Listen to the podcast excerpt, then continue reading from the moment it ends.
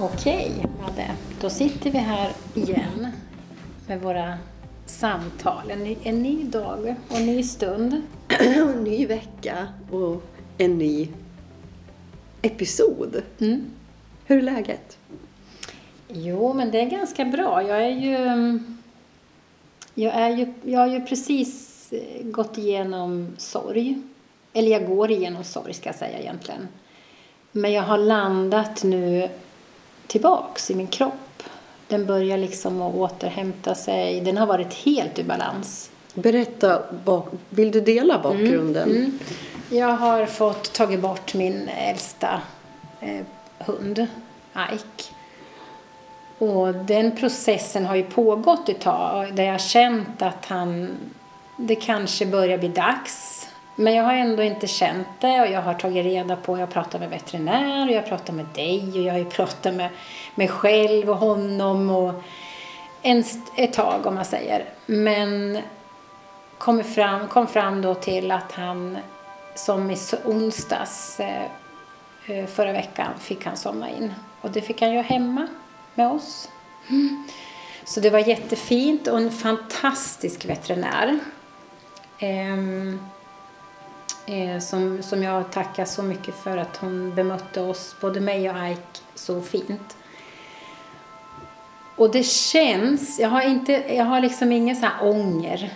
Det är inte där jag liksom befinner mig utan det, det är mer den här starka saknaden och att få släppa ifrån mig en vän. Att min vän ska gå vidare. Och sen tror jag att det var innan beslutet togs av mig så hade jag en tid där jag liksom alltså var osäker på om det är rätt. För att han, om jag ska berätta för er där ute, eller för dig också, fast du känner ju Ike. Det var att han var ju en väldigt kraftfull hund.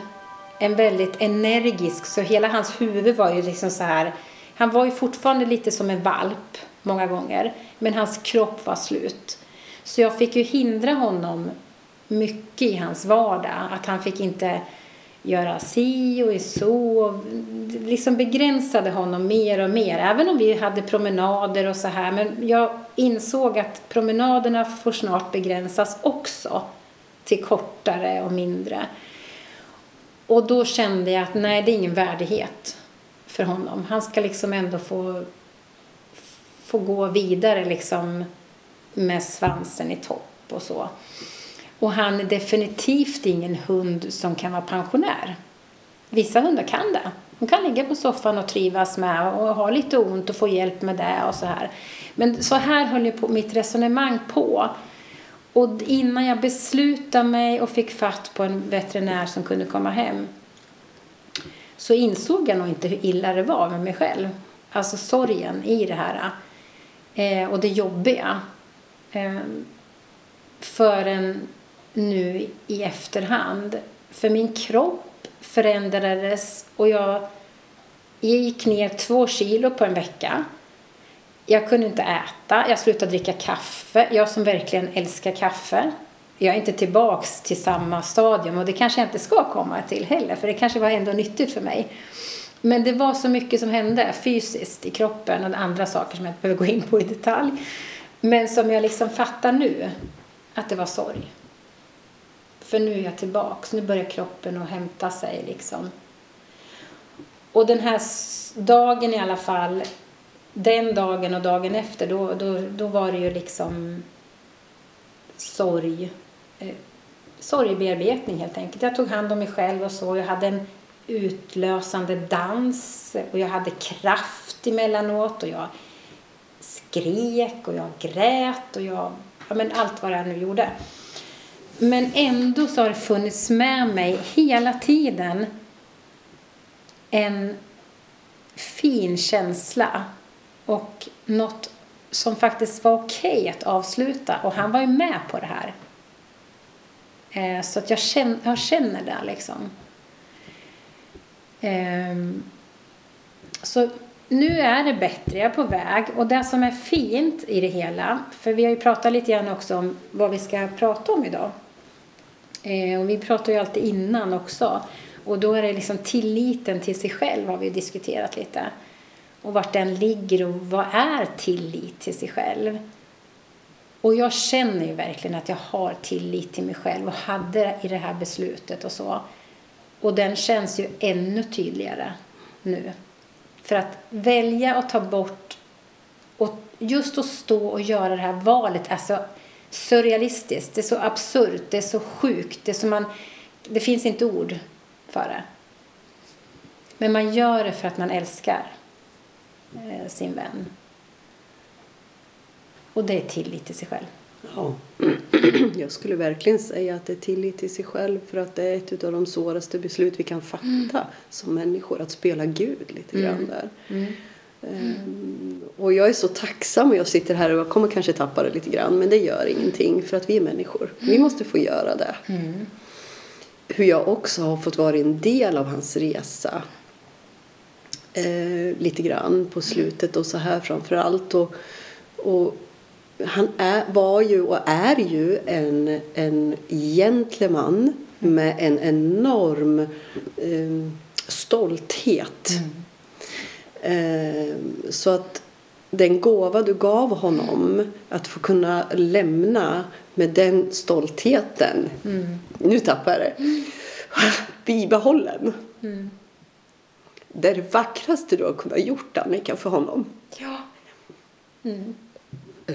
För det, att, att, att få bli eh, eh, någonting som han inte är eh, genom begränsningar mm. i det fysiska livet mm. eh, hade varit jättesorgligt mm. för honom.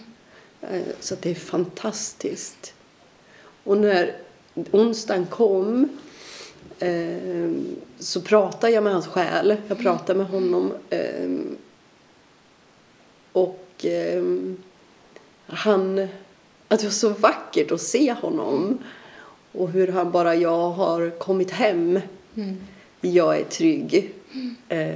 det gick bra. Mm. Det var fantastiskt fint. så tack. Mm. Jag säger tack att han att han liksom vände sig till dig. Men det förstod jag att han skulle alltså egentligen göra för att ni hade ju en kommunikation på slutet också innan. För det märkte jag ju när du var här och vi poddade. Så. Men... Ehm, och jag kan ju inte ta emot liksom de budskapen. Eh, men jag såg ju en bild framför mig. Och visst, det kan ju vara hjärnan som spelar en spratt eller så. Men, men den var så tydlig och så enkel. Och det var ju att han liksom sprang iväg och mötte liksom sina syskon, om man säger. De hundar jag haft tidigare som han har levt med. Ehm, och jag hade ju bett dem att ta emot honom.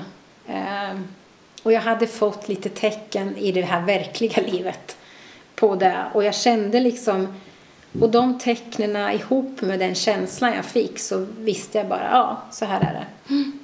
Han, han är framme liksom och han, det är helt okej. Okay. Han är mottagen. Ja. Det fanns någon som väntade.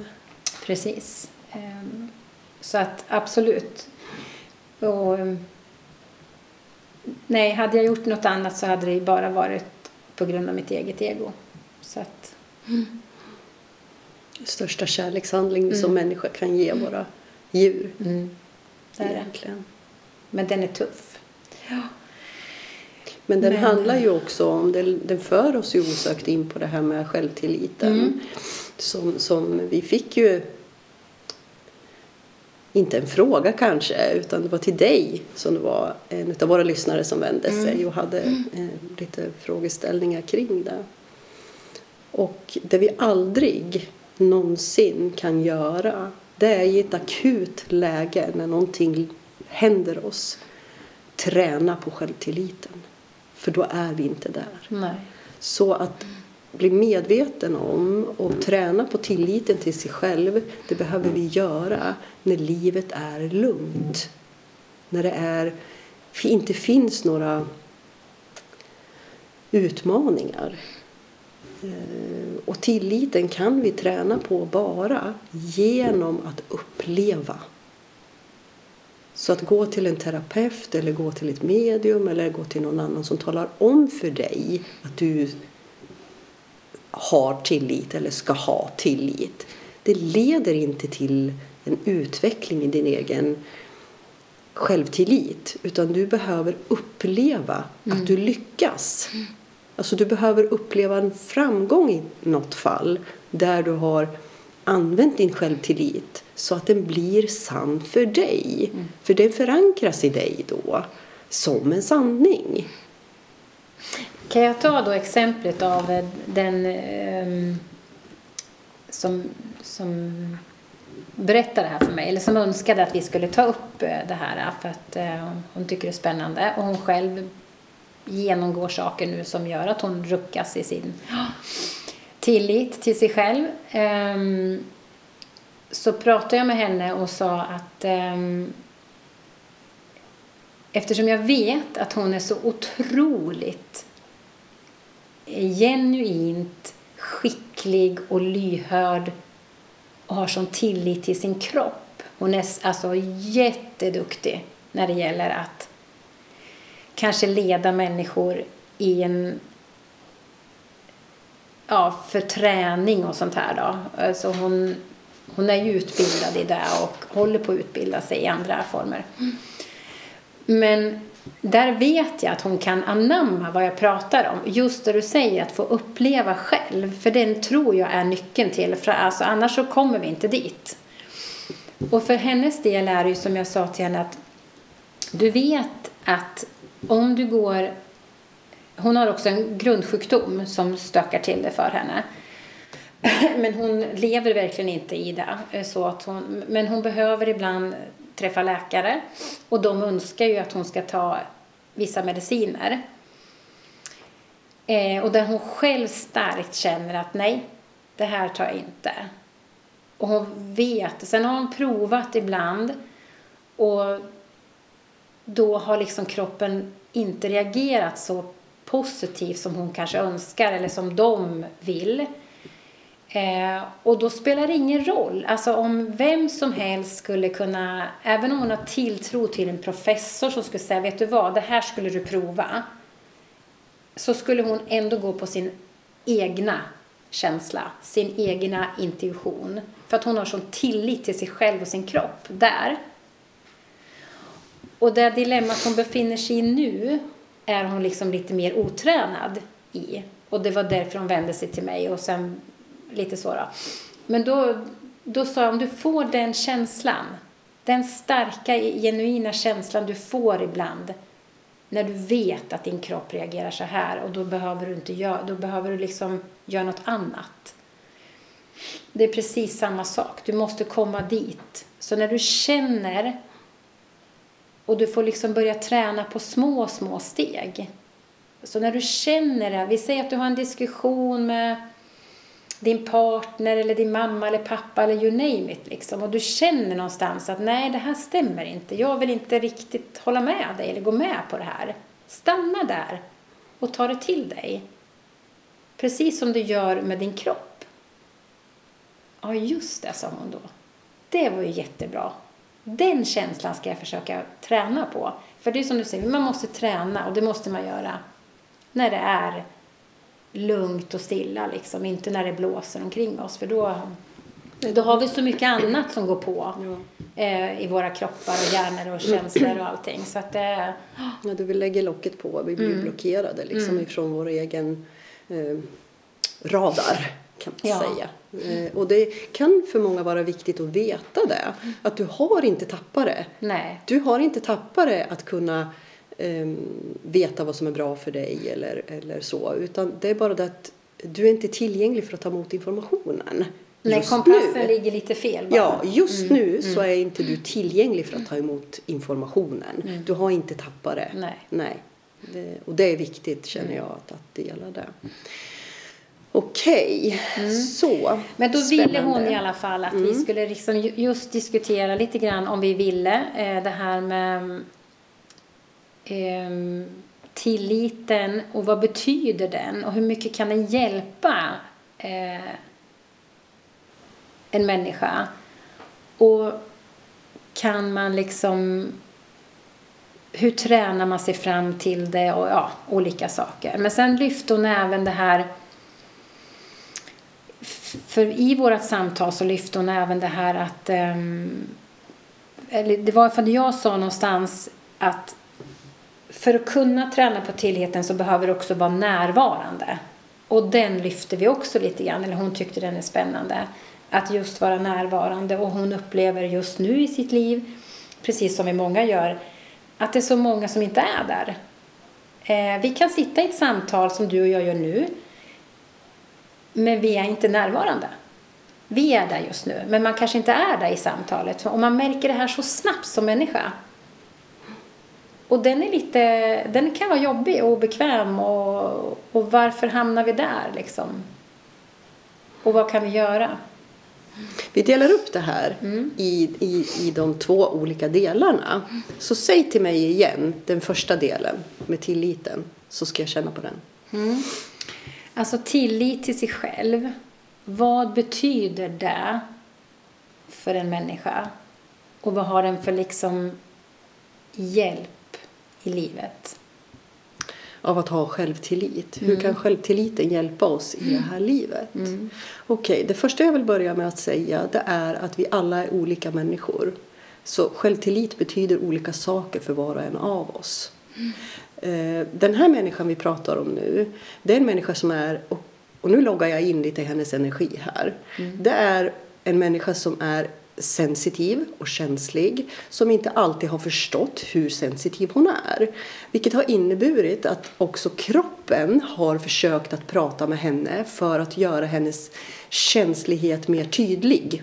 Att vara sensitiv och känslig det betyder att vi plockar in så mycket information från vår omgivning så att i bruset så hör jag inte mig själv.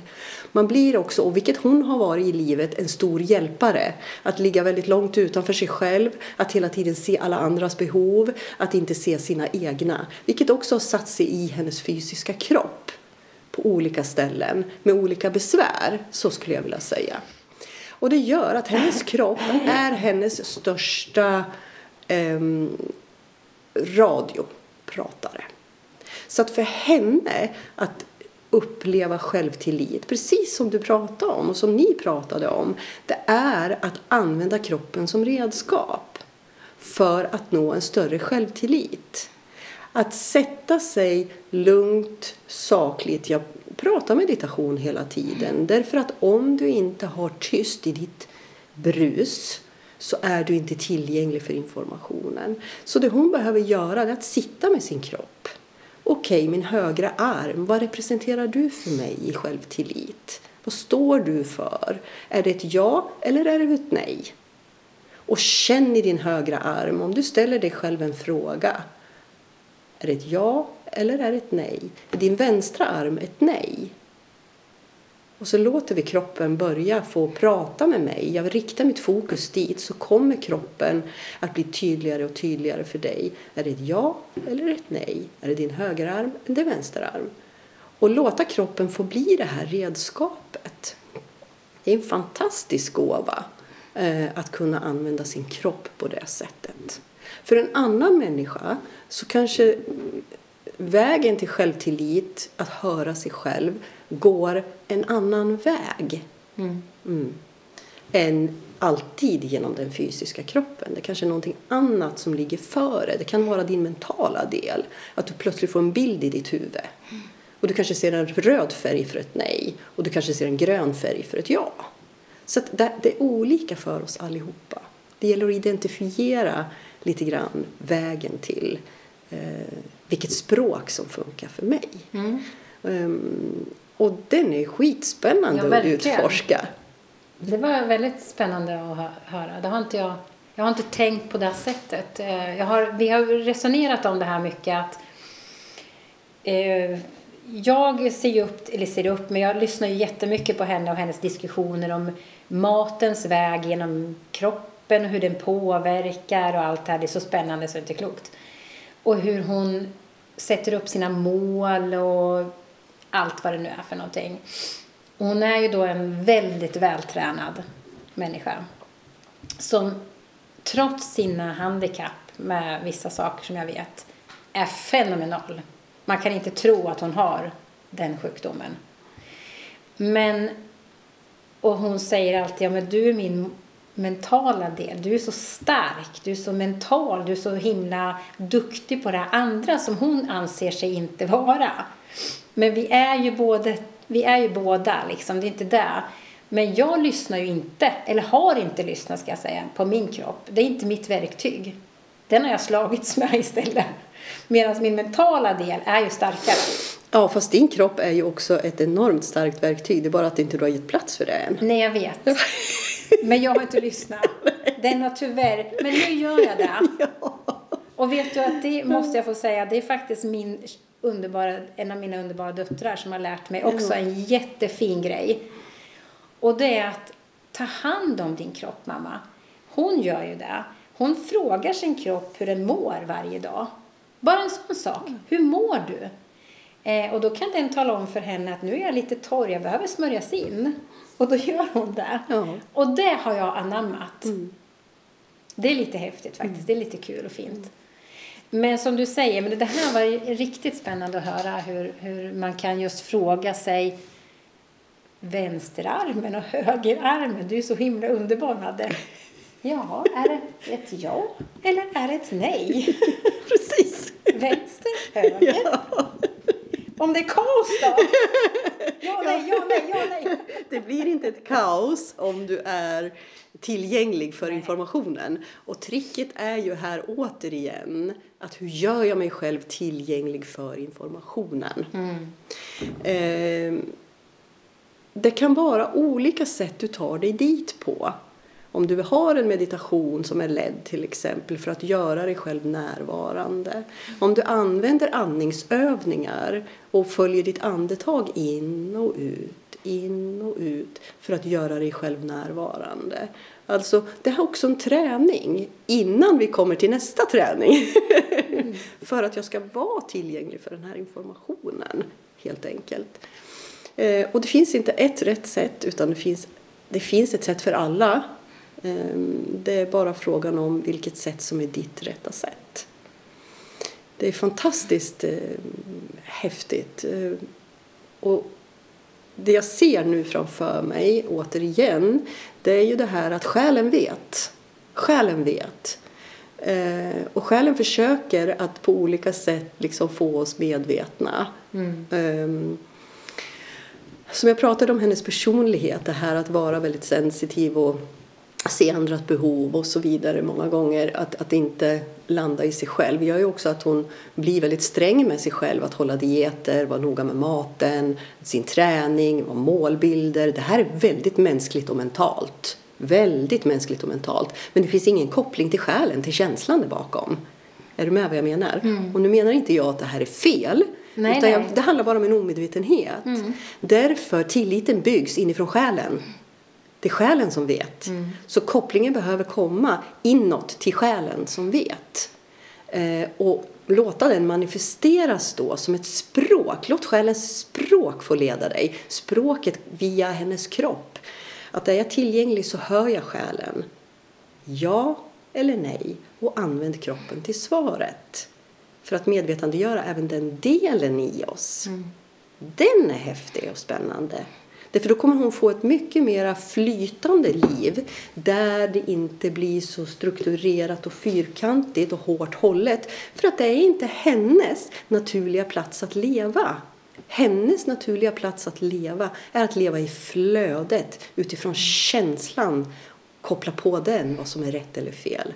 Snarare än att akademiskt försöka få någon typ av form och förståelse med som till exempel en elitidrottare. Alltså, men det här året har jag de här tävlingarna. Då måste jag se till att varva upp under de här perioderna, äta den här maten då, ha träningstakten i den här farten. Okej, okay, och sen återhämtningen har jag då. Alltså man kalendermässigt lägger in det här. Mm. Ja, men det vi glömmer då då? Lusten, mm. själen, drivet, viljan, känslan där. Och, och då på något sätt så, så begränsar vi vårt sätt att leva. För vi lever inte fullt ut utifrån alla våra delar. Nej. Just det. Och där uppstår många gånger skav i oss. Att vi blir känslomässigt eh, nedstämda eller vi blir mentalt överbelastade eller att kroppen blir sjuk helt enkelt. Nu säger inte jag att vi blir sjuka av att inte ha kontakt med själen men, men allt hör ihop liksom. Ja, ja, och det är ju liksom, det är mycket av det här eh, att du, ju, längre du, ju längre in i det här du går, så desto, alltså, ju längre bort ifrån dig själv du går och Ja. din tillit och självtillit och så, desto mer söker du ju yttre bekräftelse Precis, precis. ifrån vad vi nu söker. Ja, Och någonstans där känner man ju att det här stämmer inte. Det blir ett skav. Eh, och man ökar på sin prestationsångest och så springer man ännu snabbare. Och pluggar man så pluggar man ännu mer för att hitta liksom svaret någonstans. precis. Men svaret finns ju inom en. Ja, precis. Men Ja. ingen vill gå till ett medium och höra så här, du har svaret inom dig. Betal, Nej. Här, betala din, din, din timme nu liksom, eller halvtimme eller vad det nu är. Eh, eh, jag tycker själv att det är ganska provocerande när människor säger till mig, du har svaret i dig. Nej, men då skulle jag väl för fan inte ställa frågan. Nej, fast jag, nej absolut Men, men jag inte. menar inte att, att, att förringa det du säger nu, men- utan jag vill bara fortsätta diskussionen här kring just det här. Ja, för det är ju så svårt. Svaren Alltså- bor i själen, själen vet. Ja, Din, men- din intuition vet. Intuitionen är själens röst. Mm. Din känsla. Sitter den i kroppen eller sitter den i, i ditt mentala som bilder eller Mm. sitter det liksom i, i magkänslan Mm. där.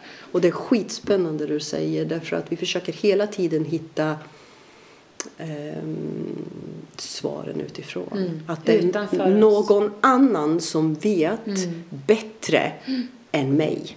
Alltså du ger ju bort dig själv, du har övergett Mm. dig själv för din, egen, din egen sanning om vad som är bra för mig eller vad som är sant för mig eller vad som är osant för mig. Och Mm. Ja, man gett- värderar det. Ja, liksom. man har gett makten till någon annan att veta bättre eh, än jag. Jag har varit en, en eh, hela mitt liv har ju jag, och jag vet att du också är sån, att säger någon till mig så här är det, då får jag röda utslag på hela kroppen.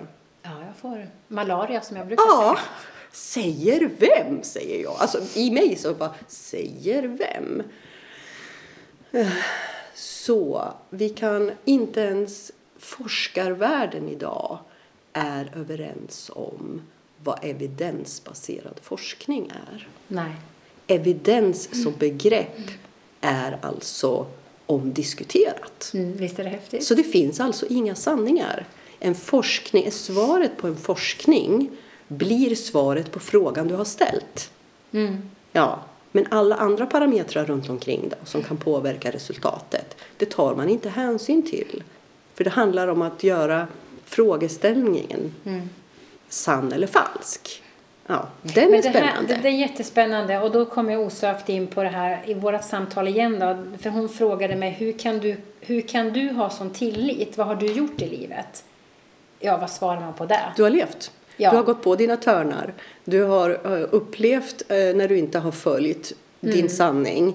Eh, att okej, det var svaret på att jag följde inte min sanning här utan Mm. jag trodde att jag följde min sanning. Det är erfarenhet, det är Mm. dina egna upplevelser. Men sen tror jag, sen har vi ju olika sätt att ta oss fram i livet Absolut. och, och så. Eh, Precis som du sa, lyssna på kroppen, det mentala eller vad vi nu har för metoder. Men det som är just det här att som du sa, i forskningsvärlden så kan vi inte, vad är egentligen evidensbaserad forskning? Och man, man är oense och det vi vet idag förändras ju imorgon. För då vet vi mer. Ja, Ja. och det är ju en ständig, ständig förändring vi, vi ingår i. Och där tror jag att lite av en nyckel, för jag förklarar det som så att jag har lärt mig av erfarenhet förstås då, att om jag nu befinner mig i den här konstellationen och jag säger någonting, vi pratar eller vad jag nu, vad jag nu gör och känner att det känns bra, det är harmoniskt Sen flyttar jag mig och sen befinner jag mig i en annan konstellation med andra människor och känner helt plötsligt något annat. Så betyder ju inte det att det är mig det är fel på. Eller att jag inte ska ha tillit till vad jag nu säger i den konstellationen eller vad jag nu gör. För att det, det handlar ju om att det är andra människor bara, med andra erfarenheter. Men jag tror att det är väldigt många människor som går direkt till sig själv, slår på sig själv och börjar ifrågasätta sig själv och värdera sig själv. Absolut. Och där tror jag att jag har en nyckel till mig själv. Att jag värderar inte mig själv så dåligt hela tiden. Jag har gjort det naturligtvis i mitt liv. Men jag har kommit så långt med mig själv så att jag inte gör det längre. Och det skapar en enorm trygghet. Och tillit. Ja. Och tillit. Mm. Jag brukar säga det att, eh, att för mig så, jag vet. Mm. Och det jag inte direkt vet, eh, det låter jag vara. Därför att det är inte riktigt moget än för mig att veta. Och jag har tillit till det istället då. Att jag behöver inte veta just nu. Eh, Men som sagt var, om vi ska nu försöka bryta ner det här till människor eh, som lyssnar på oss. Som står just i det här och inte riktigt än har känner den här tilliten till sig själv. Att veta vad som är sant och rätt för mig. Vilken väg ska jag gå? Den är spännande, måste jag säga. Låt mig suga lite på den för att kunna vara så konkret och tydlig där som möjligt.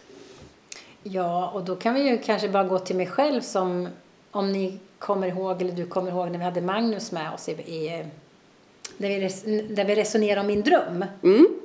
Hur jag velar fram och tillbaks. Ja, det är klart att jag har ju också ämnen i mitt liv som jag håller på och velar så jag till och med blir förstoppad av mig själv, av mina egna tankar, mina egna känslor och allting. Och jag vet ju egentligen, men jag vet ändå inte. Och den, den är ju inte enkel. Okej. Nu ser jag film. Då Mm. pratar jag utifrån den. Då. Eh, ett sätt om vi fastnar mentalt. Ett sätt om vi fastnar i den fysiska kroppen. Och jag ska förklara hur. Det kan göra att du börjar få ont i nacken, du känner dig tung i, i axlarna eller att du får matsmältningsproblem i dina tarmar eller svårt att äta vissa saker och så vidare. Det betyder att någonstans i dig så är din process avstannad. Det finns inget flöde. Alltså vi äter mat, vi stoppar in den här, den ska ner i magen och den ska ut i rumpan. Liksom. Den ska gå i en liten, ett visst flöde, neråt, utåt. Eh, och om vi stannar upp det flödet på grund utav att vi tänker för mycket, vi oroar oss för mycket, så kommer det att stanna upp. Vilket innebär att antingen får jag förstoppningar eller jag får en diarré, jag får för stark skjuts, jag blir känslig för olika maträtter eller jag känner inte ens hunger. Det betyder att det står som still, det finns inget, det finns inget go i det här. Eh, det du kan göra är att röra din fysiska kropp. Gå ut och gå, dansa, rör på kroppen så att vi liksom får någonstans igång den fysiska kroppens energiflöde. Eh, med dina tankar, hur kan jag göra där? Ja, men du kan spela in dig själv. Spela in dig själv på, på telefonen.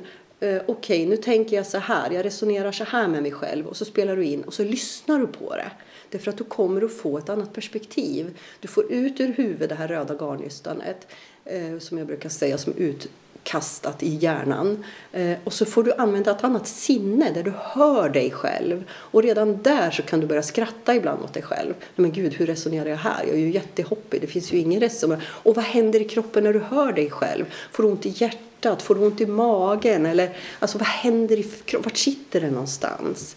Eh, där kan vi börja hitta svaret på att få tilliten till, till sig själv på något sätt. Mm. Ehm, så det, det är ett sätt, eller kanske flera sätt, eh, för att frigöra det här stoppet som blir när vi blir överbelastade med våra egna rädslor, tankar, pålagringar utifrån om vad som ska vara sant eller inte sant. Ett snabbt sätt som alla människor har en ganska snabb kontakt med det är precis i den akuta situationen som du till exempel berättar här nu. Jag var bland människor i en konstellation där jag känner när jag säger någonting, jag ser på deras miner, jag känner i energin att det är positivt mottaget, det blir liksom en närvaro i det. Kanske får ett skratt eller ett nickande eller sådär. Jag flyttar mig till en annan situation, jag säger samma sak, Men får istället någon som vänder ryggen till mig. Jag känner, känner i energin att den är låg. Alltså den, boff, den blir tung. Eh, jag börjar känna en oro, ett obehag i mig själv. Ah, där har du svaret. Direkt svaret. Mm. Nej, det är inte dig det är fel på. Det är bara det att det är olika mottagare mm. på det du har att säga. Mm. Och vilket sammanhang är ditt sammanhang att befinna dig i? Där det känns bekvämt. Mm. Såklart. Det är dina människor som fattar ditt språk. Mm. Ah, Okej, okay, då vet jag. Det är inte fel på människorna, det är inte fel på mig. Det är bara det att vi lirar inte, vi förstår inte varandra. Varför ska jag utsätta mig? Ja, men exakt. Återigen, där har du fått en upplevelse att förstå att okej, okay, mm. då går jag tillbaka till den här flocken mm. där jag känner mig hemma och bekväm. Mm. Ah. Och det, det, kan man göra utan att värdera det. Vi behöver inte värdera Nej. någonting, vi bara konstaterar. Konstaterar, ja. konstaterar. Och det är också ett sätt att bygga tilliten till Okej, okay, mm. hur kändes det i mig? Jag mm. såg vad som hände också fysiskt. Fine, då går jag tillbaka mm. dit. Det är ett lärande. Ett lärande. Hela tiden är det ett lärande. Och vet ni vad, det tar aldrig slut. Det är nej. så jäkla spännande hela tiden. Det gör ju inte det. Men nej, det är det som är det. Jag brukar, jag har många gånger sagt att den dagen jag slutar att utforska, ta reda på eller vilja göra det, då lämnar jag. Ja, då är man färdig mm. i den här formen. I den här formen, ja. Men då lämnar jag och åker en hiss upp. För att eh, för mig är verkligen det så spännande. Mm. Vad jag än liksom, och det är självklart och det är inget för att förringa det som händer och det kan vara kris och trauma. Men, och starka känslor. Men på något sätt så har i alla fall hittills i livet ändå lett till en förändring och en utveckling för mig som gör att jag kan leva med mig själv på ett mycket bättre sätt och mm. härligare sätt. Ja. Ja, förhålla sig mer värderingsfritt och mm. mer med barnens nyfikna ögon. Oh, shit, vad hände här? Liksom. Jag börjar inte slå på mig själv. Eller, jaha, uh, mm, okej, okay, jag ser, jag förstår och sen ja, agera därefter. Mm. Det jag har gjort och det jag har fått, jag måste återigen tala om det här hur det funkar med meditationer.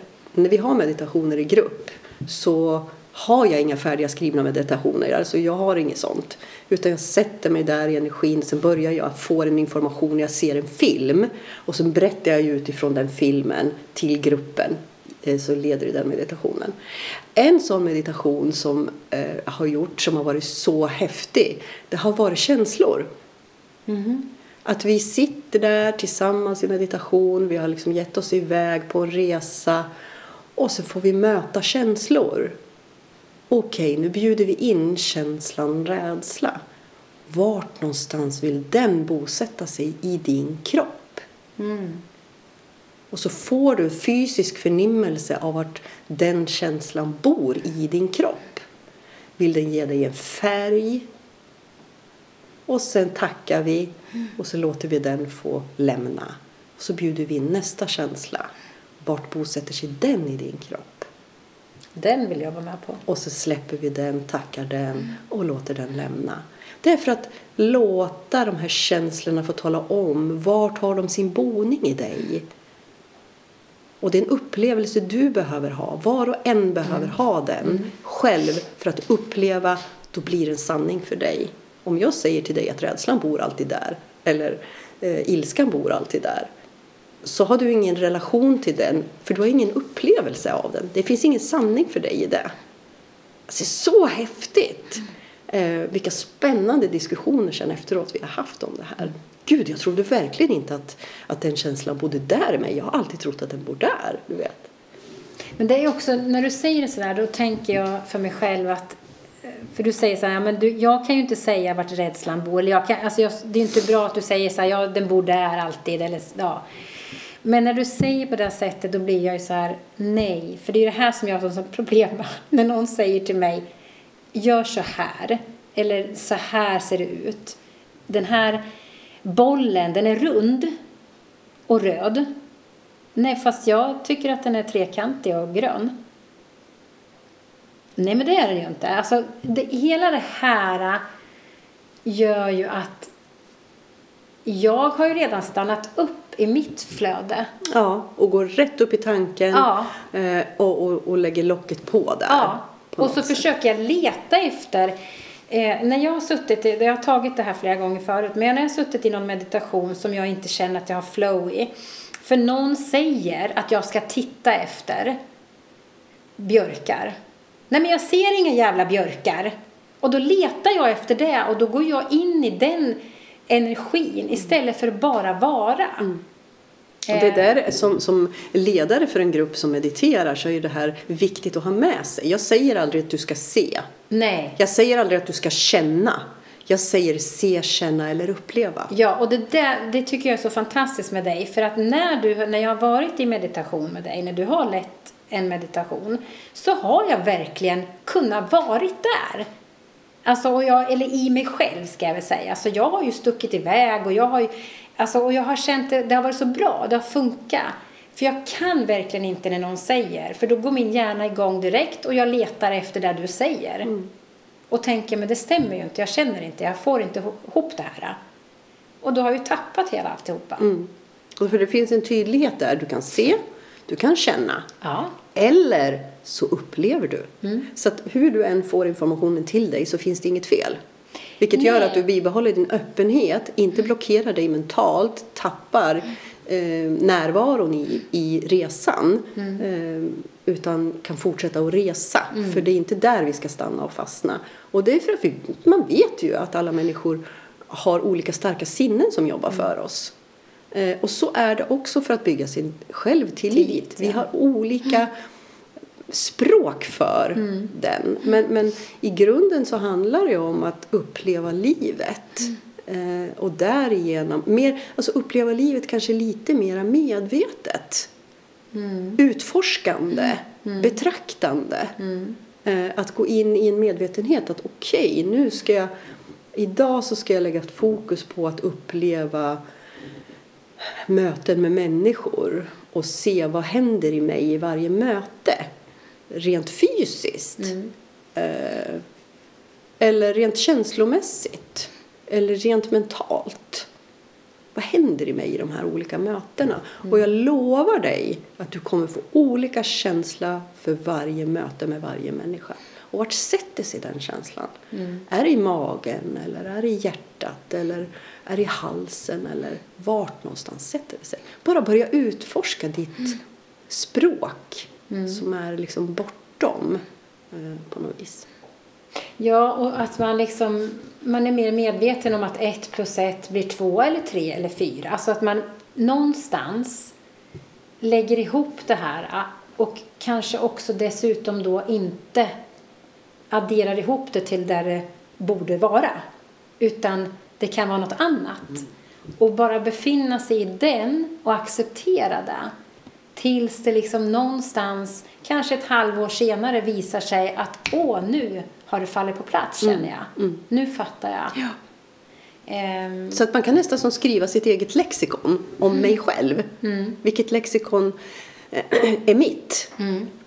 För ett ja eller för ett nej. Eller för att nu befinner jag mig på rätt plats som lirar med mig. Eh, därför att jag är unik. eh, Och är en, en grön människa som är en healer som ser efter alla andra hela tiden. Eller jag är en, en intellektuell människa, mer gul, som behöver snabba beslut. Jag behöver eh, ordning omkring mig som inte tar mitt fokus. Jag behöver sol och glädje och liksom det här hela tiden. Alltså, vem är jag? Men du, nu har jag en uppgift här till dig. Eller jag, bara för att jag, jag fångar ju upp när vi pratar. Det är ju så jag funkar.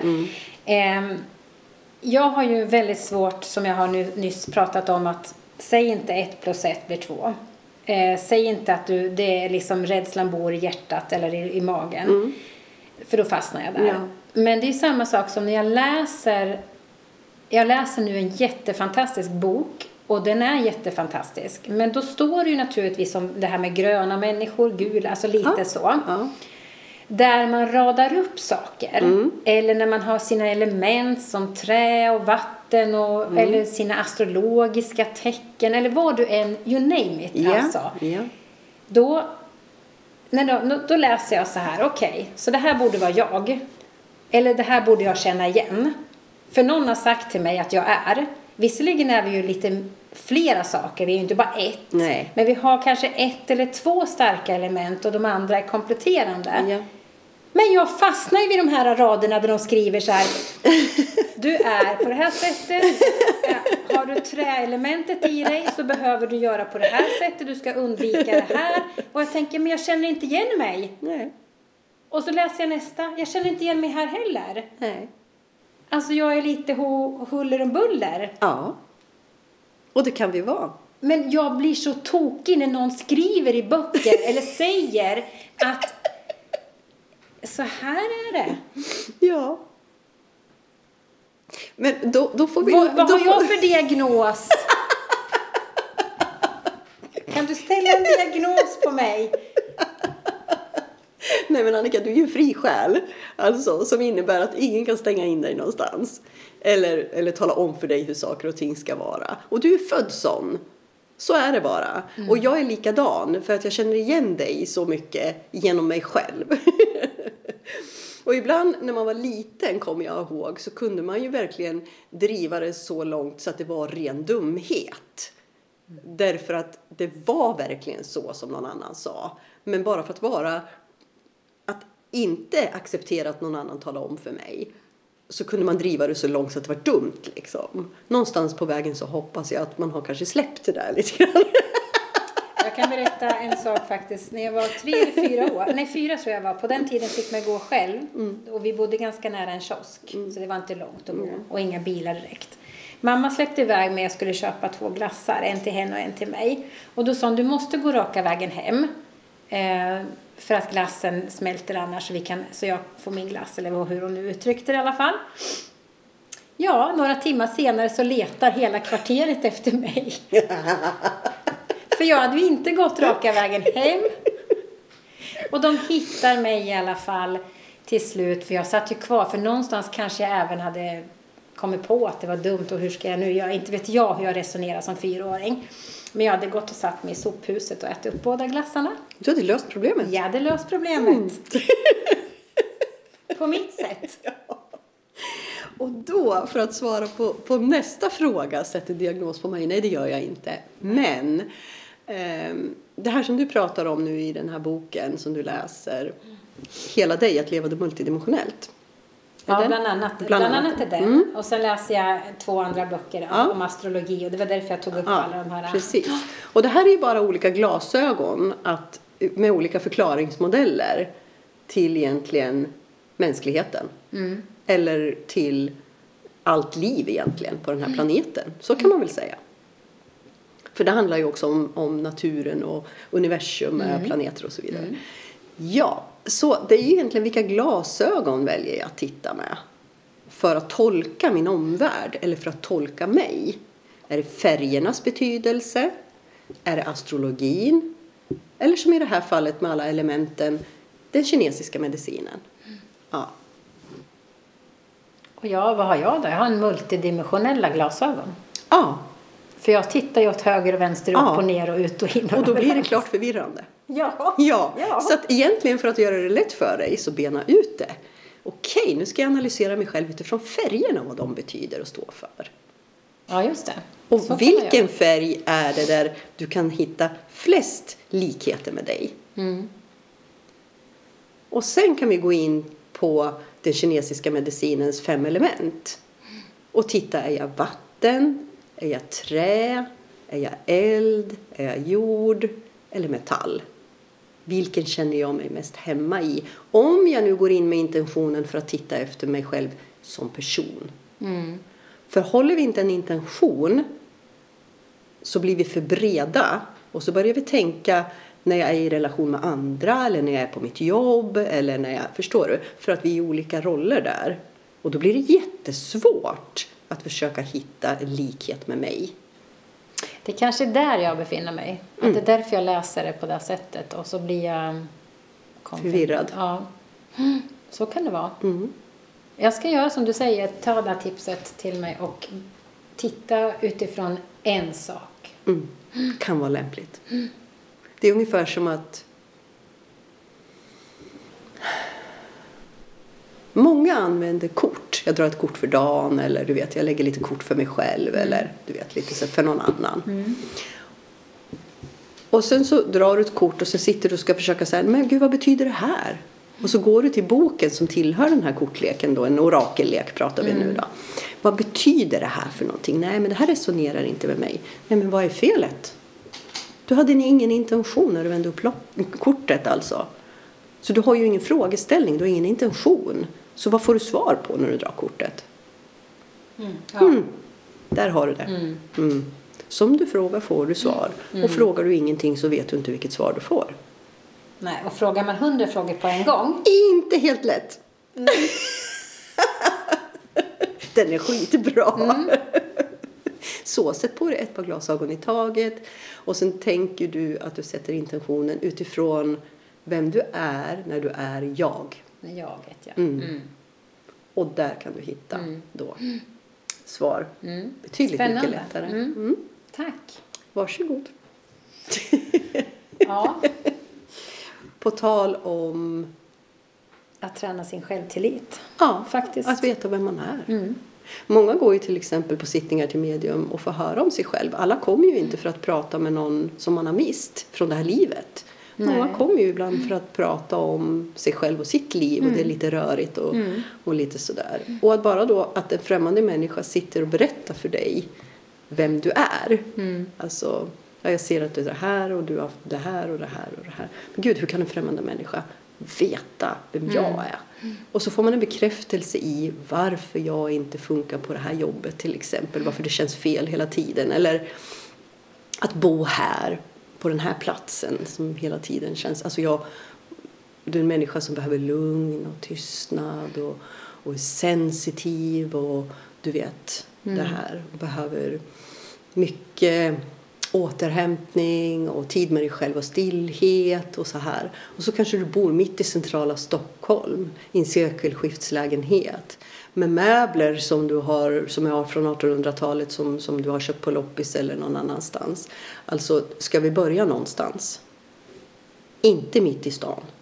Nej. Nej. Nej, du måste ju kunna ha ett lugnare tempo omkring dig. Till exempel. Eh, nummer två, om du är extremt sensitiv och bor i en gammal lägenhet så har ju många människor levt där före dig. Det finns mycket energispår, energiminnen. Det betyder inte att det är några spöken där, det är bara energiminnen som kan påverka dig. Det är läskigt att gå i det här hörnet eller det, det känns läskigt det här, du vet. Ja. Och plus alla dessa gamla möbler då, som också bär på minnen av någon annan människa som har ägt dem, som har stått i ett annat hus. Du känner och plockar upp allt det här omkring dig. Det är inte fel på dig. Det är inte fel på dig. Du behöver bo på ett, i en lägenhet eller ett hus i ett lugnt område, gärna nära till naturen. Måla om de möbler du köper hem, sätt din egen prägel på dem. Eh, gör dem till dina. Eller handla nya liksom på Ikea som inte har de här minnena. Mm. Ja, och var medveten om att du är känslig. Ja, jag fattar.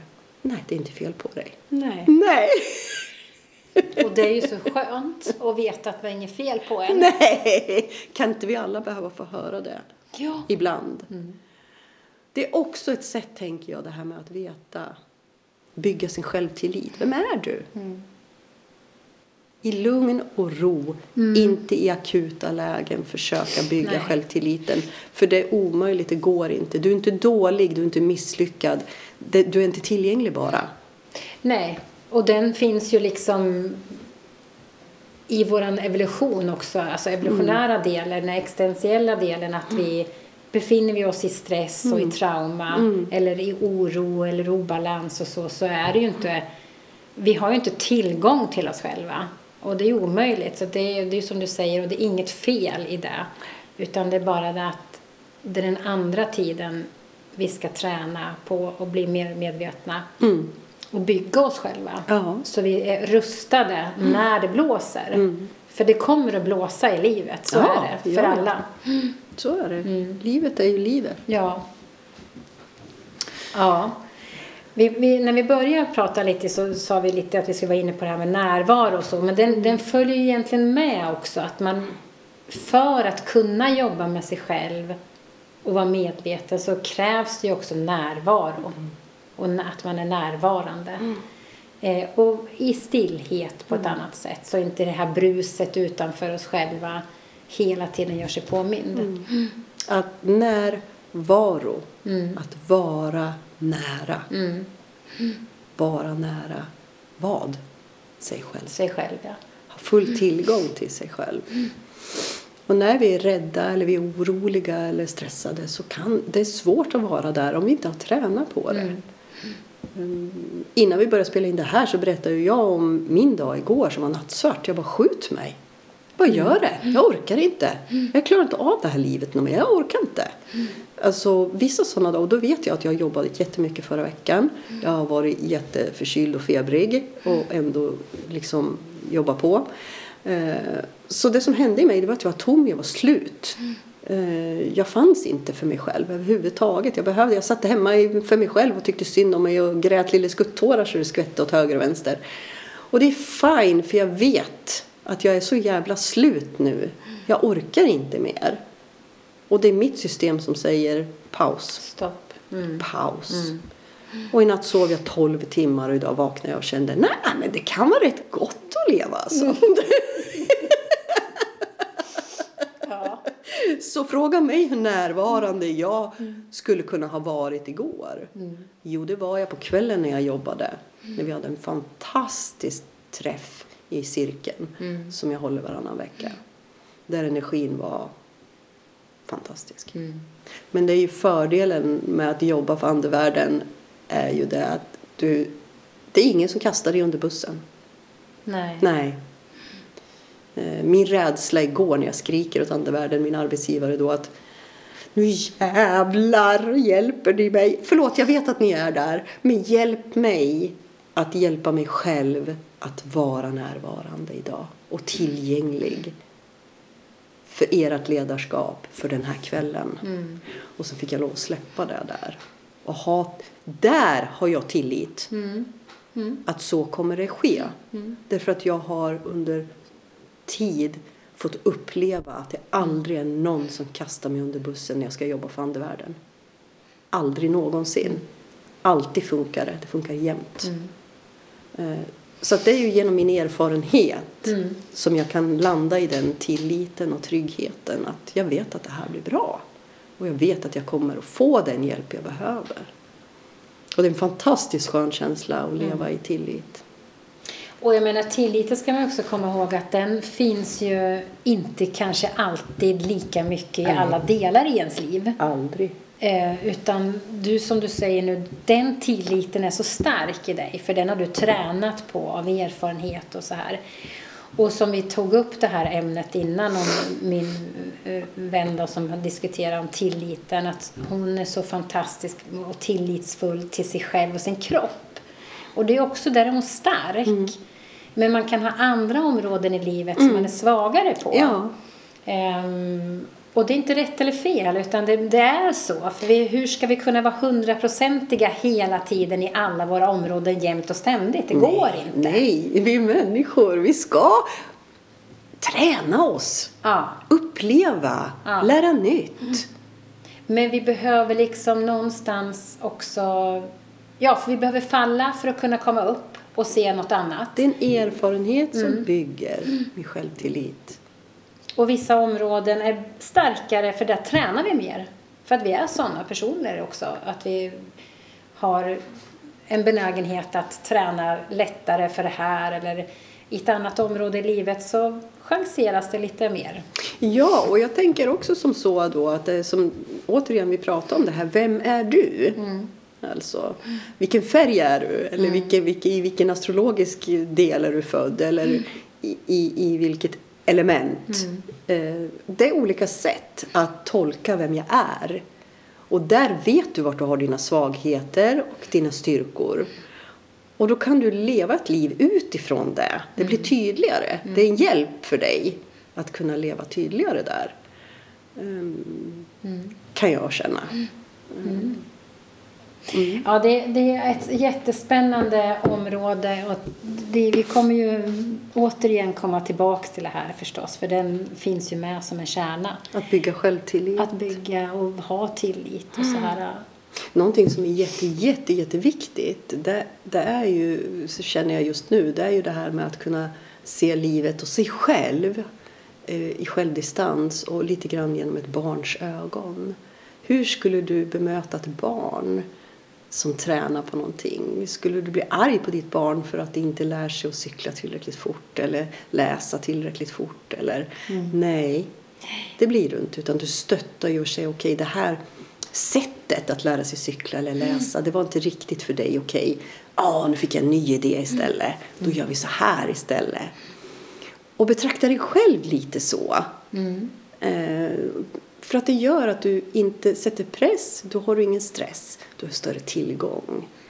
Som hon den här fantastiska tjejen nu som ställer de här kloka frågorna. Ja men använd kroppen då då. Mm. Gör kroppen till ditt verktyg för att bygga din självtillit. Mm. Till exempel. Mm. Klokt. Fantastiskt. Det får avrunda vårt Ja. samtal för idag. Så spännande. Ja. Och sen så mm, nästa gång när vi poddar, då sitter jag förhoppningsvis i Spanien igen. Härligt. Kanske ännu varmare den här gången än förra gången. Ja, det ska bli som svensk sommar. 25-28 grader. Så jag hoppas på det, men vi får se. Jag eh, ska iväg i alla fall.